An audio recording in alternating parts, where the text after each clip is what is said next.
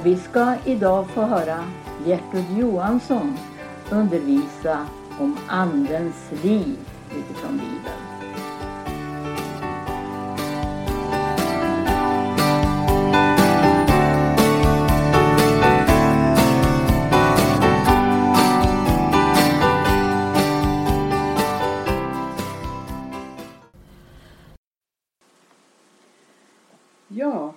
Nu ska jag idag ta med er på några tankar som jag har haft eh, som jag vill meddela här via närradion.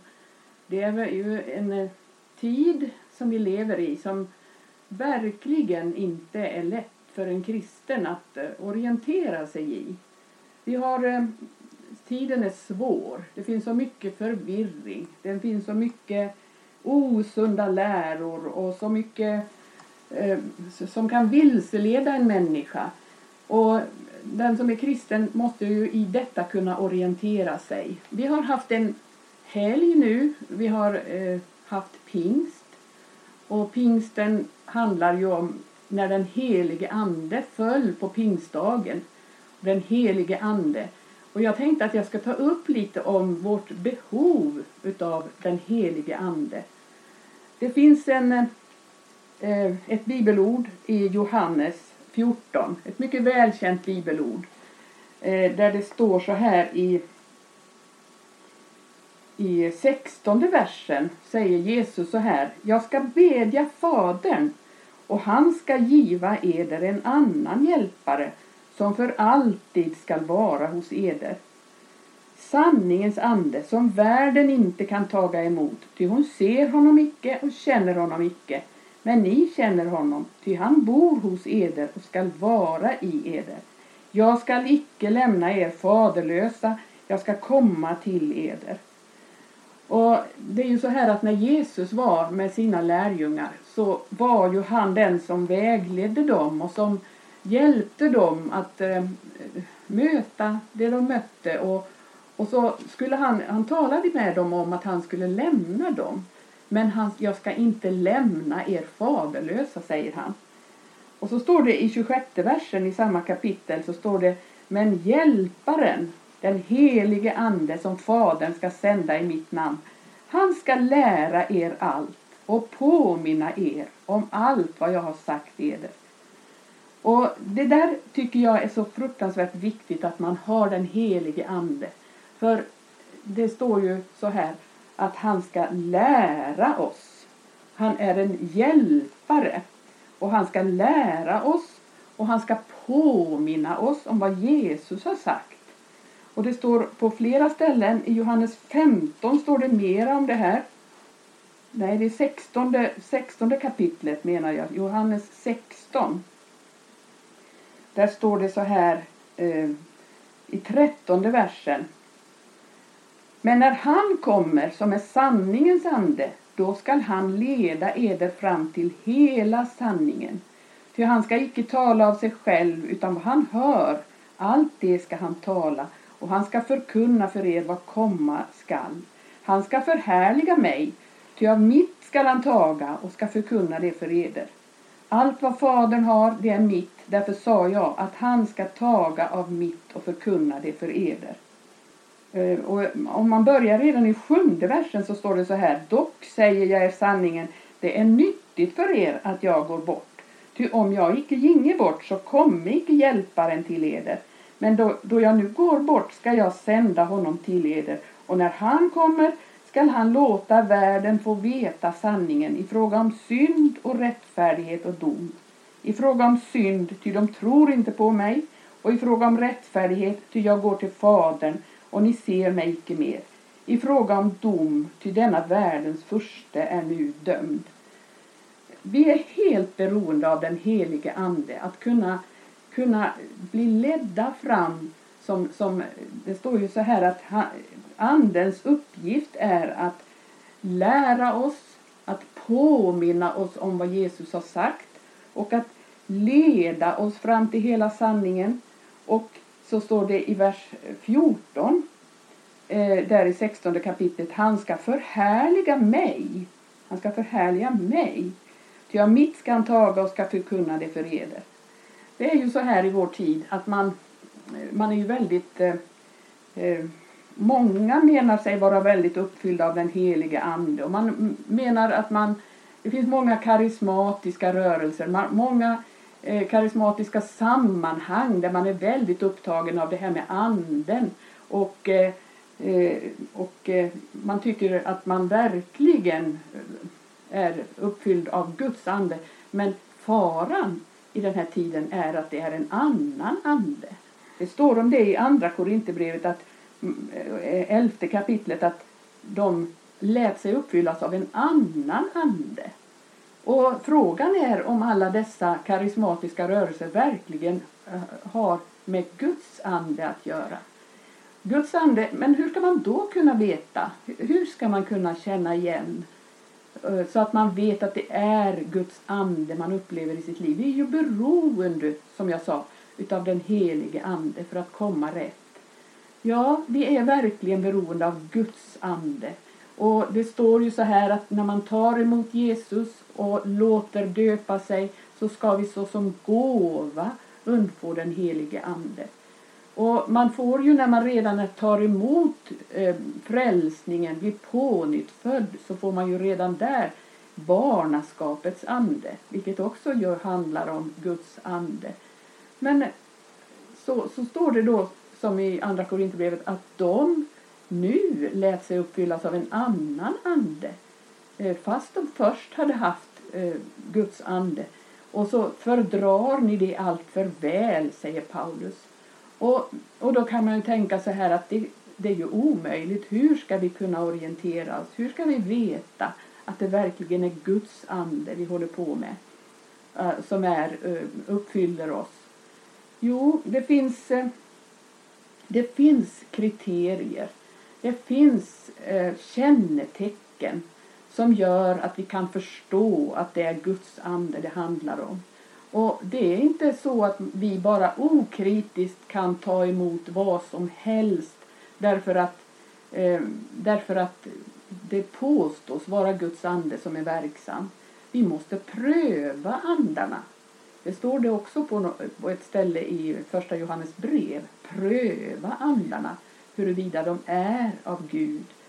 Och hur ska man då kunna pröva andarna? Jo, det finns tydliga kännetecken. Eh, för det första så Guds ande leder ju oss då och då ska vi veta vad Guds ande inte leder oss till. Guds ande leder oss inte till att bli i vänskap med världen. Det kommer aldrig Guds ande att leda oss till. Att bli, vi, vi närmar oss världen, vi lär, lär för att bli vän med världen. Det, det gör inte Guds ande. Och Guds ande går aldrig utanför Guds ord. Guds ande leder aldrig utanför Guds ord. Allt som Guds ande leder oss till kan man pröva gentemot Guds ord.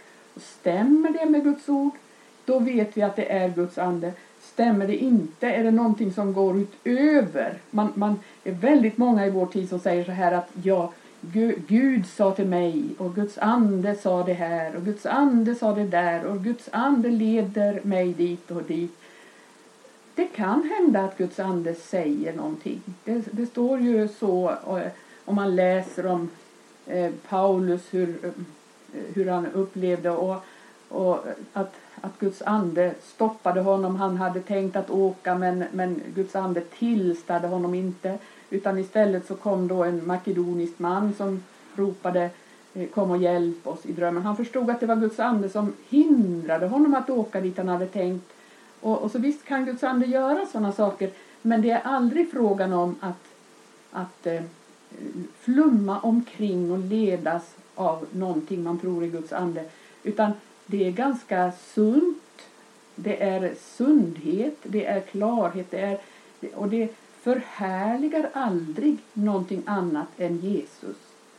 Guds ande eh, förhärligar aldrig någon människa utan Guds ande förhärligar alltid Jesus. Guds ande är aldrig heller någon som förhärligar sig själv. Eller det är aldrig frågan om att vi ska eh, bedja till den helige ande eller, eller tillbedja den helige ande.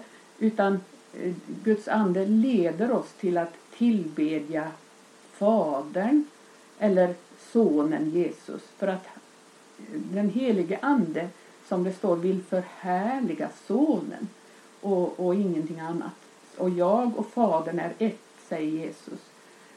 Och eh, man får aldrig tänka att Guds ande eh, leder en människa till flummighet. Guds ande går aldrig som sagt emot Guds ord. Guds ande gör aldrig så att en människa blir stor i tiden. I tiden en, en stor... Eh, eh, det, det, leder inte till att människor blir... Det, det, står ju i Guds ord att en människa kan bli uppblåst och gör sig stor genom änglasyner och sånt här står det i Kolosserbrevet 2. Eh, där, då, då, vet vi att det, det kan inte vara frågan om Guds ande när, när människor gör sig stor genom sina syner. Det står så här eh, Nå, Låt inte segerlönen tagas ifrån er av någon som har sin lust i ödmjukhet och ängladyrkan och gör sig stor med sina syner. Någon som utan orsak är uppblåst genom sitt kötsliga sinne och inte håller sig till honom som är huvudet, honom från vilken hela kroppen vinner sin tillväxt i Gud, i det att den av sina ledgångar och senor får bistånd och sammanhållning.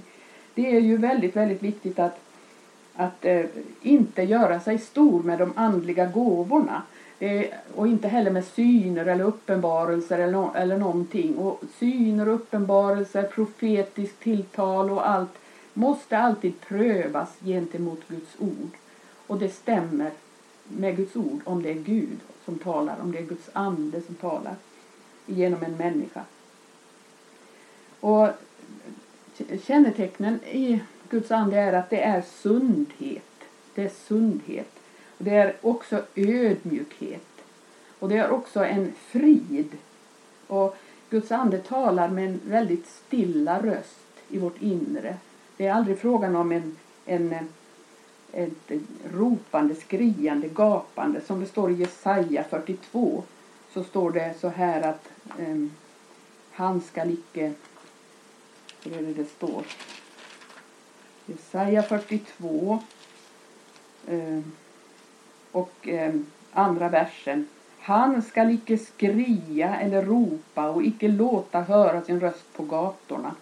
Det är, det är, jag har förnummit det i mitt eget liv att man, har, man kan känna ibland en, en, någonting som ger sig ut för att vara Guds andes ledning. Men då är det alltid en slags stress med det hela. En slags eh, eh påträngande brådska eller, eller eh, på något sätt. Guds ande talar väldigt stilla i vårt inre. Vårt, vi, vi, kan, eh, vi kan känna friden som, som tillhör Guds ande om, när Guds ande talar.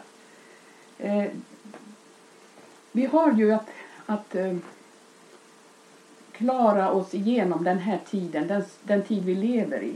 I Uppenbarelseboken så står det vi har eh, i början där i Uppenbarelseboken så har vi ett antal sändebrev till församlingarna.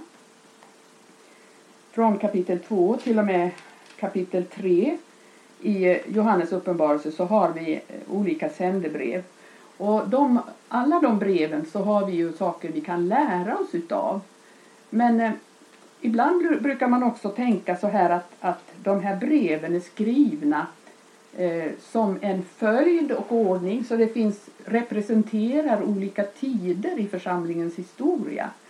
Och eh, uppenbarligen så är det så här att vi lever nu i Laodicea-tiden.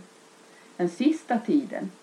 Och jag har tänkt på Uppenbarelsebokens eh, tredje kapitel och de här verserna om till Laodiceas församlingsängel. Står det i tredje kapitlet och och i femtonde versen står det till Laodicea. Jag känner dina gärningar. Du är varken kall eller varm. Jag skulle önska att du vore antingen kall eller varm. Men nu, då du är ljum och varken varm eller kall, ska jag utspy dig ur min mun. Du säger ju, jag är rik, ja, jag har vunnit rikedomar och behöver inte. Och du vet icke att just du är eländig och ömkansvärd och fattig och blind och naken.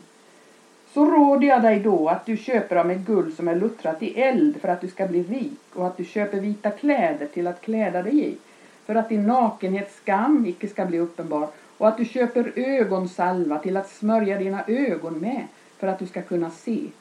Alla som jag älskar, dem tuktar och agar jag. Så gör nu bättring med allt flit. Se, jag står för dörren och klappar. Om någon lyssnar till min röst och upplåter dörren så ska jag gå in till honom och hålla måltid med honom och han med mig. Den som vinner seger, honom ska jag låta sitta med mig på min tron, lika som jag själv har vunnit seger och satt mig med min fader på hans tron.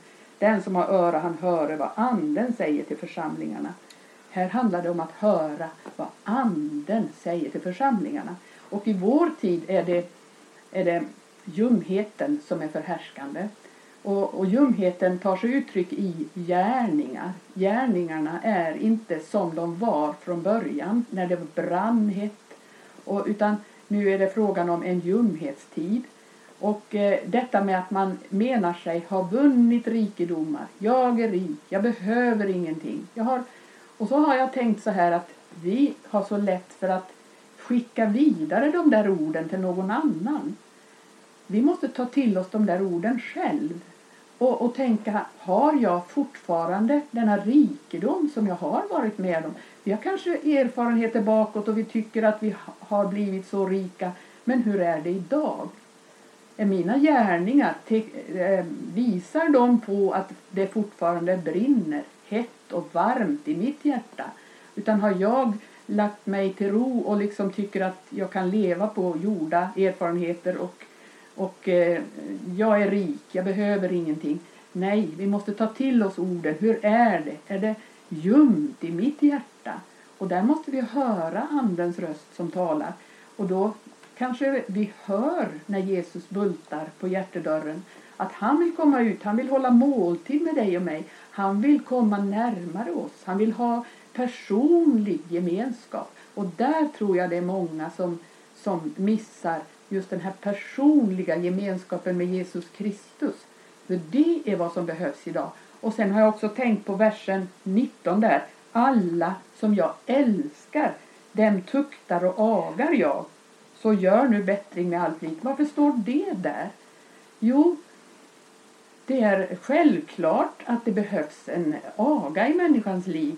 Och nutidens människor, Laodicea-tidens människor, vet knappt vad det är. Därför att man har vuxit upp i en generation som inte har fått någon tuktan eller aga.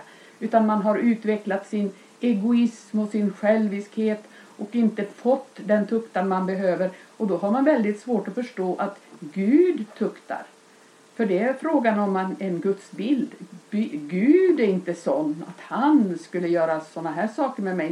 När det händer, då är det inte Gud. Man känner inte igen honom för man har fått fel gudsbild.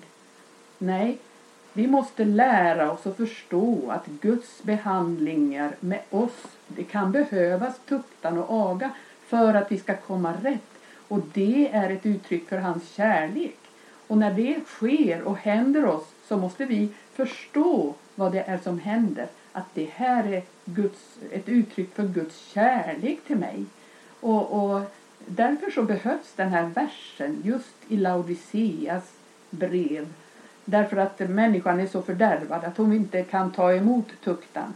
Men det måste vi göra. Vi måste ta emot Guds tuktan därför det är också hans kärlek till oss. Han vill att vi ska komma rätt. Han vill ta bort ur oss alla de saker som inte behagar honom. Allt som gör att vi kan komma fel, att vi kan eh, gå snett.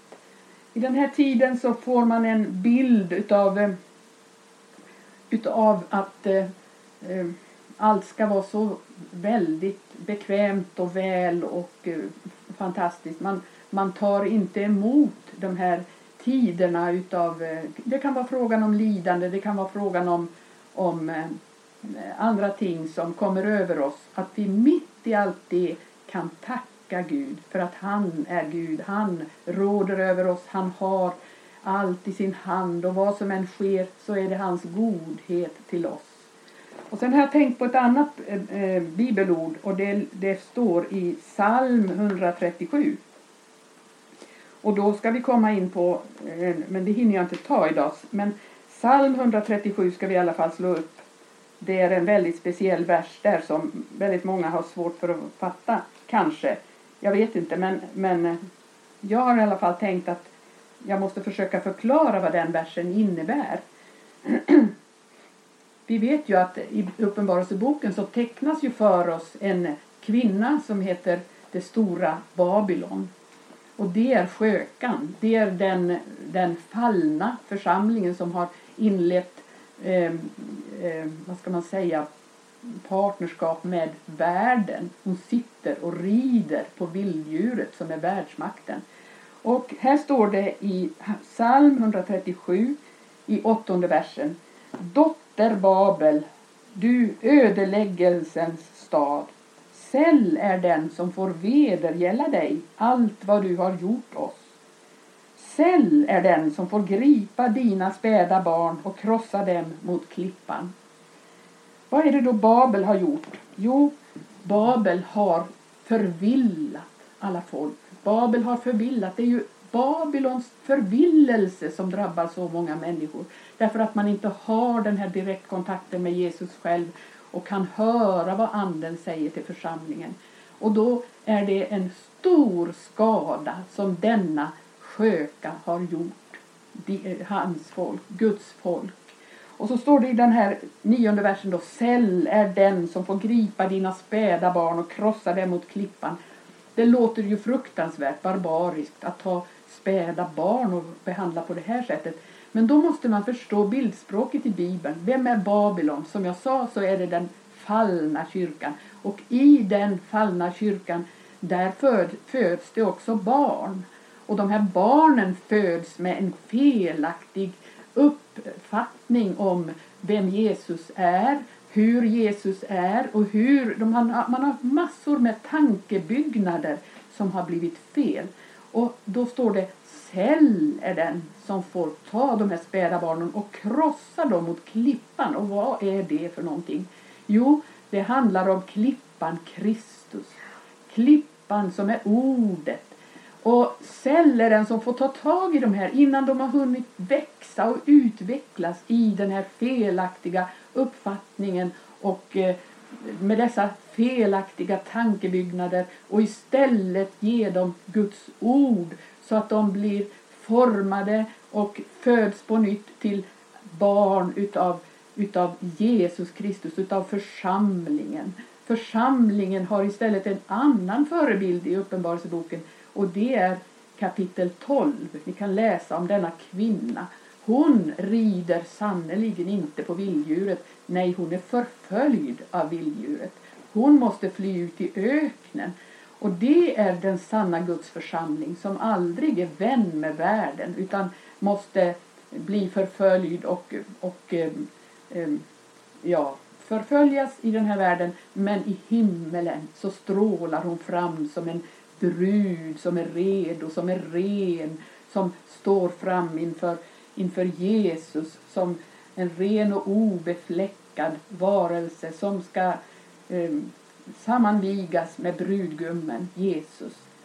Och Cell är den som får hjälpa människor att komma rätt genom att eh, låta dem möta ordet och få en rätt kunskap om honom. Vår uppgift är ju att bryta ner tankebyggnader och bålverk som uppreses mot kunskapen om Gud och istället ge dem den sunda läran, den sanna uppfattningen, den sanna bilden utav vem Gud är och vem Jesus är och vem, vem bruden är, hur det ser ut med, med alla dessa ting. Då kan man komma rätt. Och jag säger som, det var en gammal broder som jag lärde känna som sa så här att mitt böneämne, sa han, det har varit att ge mig andlig klarsyn. Och jag upplevde att Gud hade gett honom det. Gud hade gett honom, han såg igenom mycket företeelser och förstod att det var inte från Gud. Och det kan du och jag också göra. Det finns alltid möjlighet att komma rätt och bli uppfylld av Guds ande och komma rätt och ledas rätt i tiden. Att man inte behöver bli offer för alla dessa villfarelser eller främmande läror och allt som florerar i vår tid. Gud välsigne dig som har lyssnat idag och jag hoppas att du kan eh, genom detta kanske få en liten vägledning och hjälp på vägen. För det är sannerligen inte lätt i vår tid. Men Gud välsigne dig att komma rätt. Och eh, så hörs vi igen en annan dog. Amen. Amen.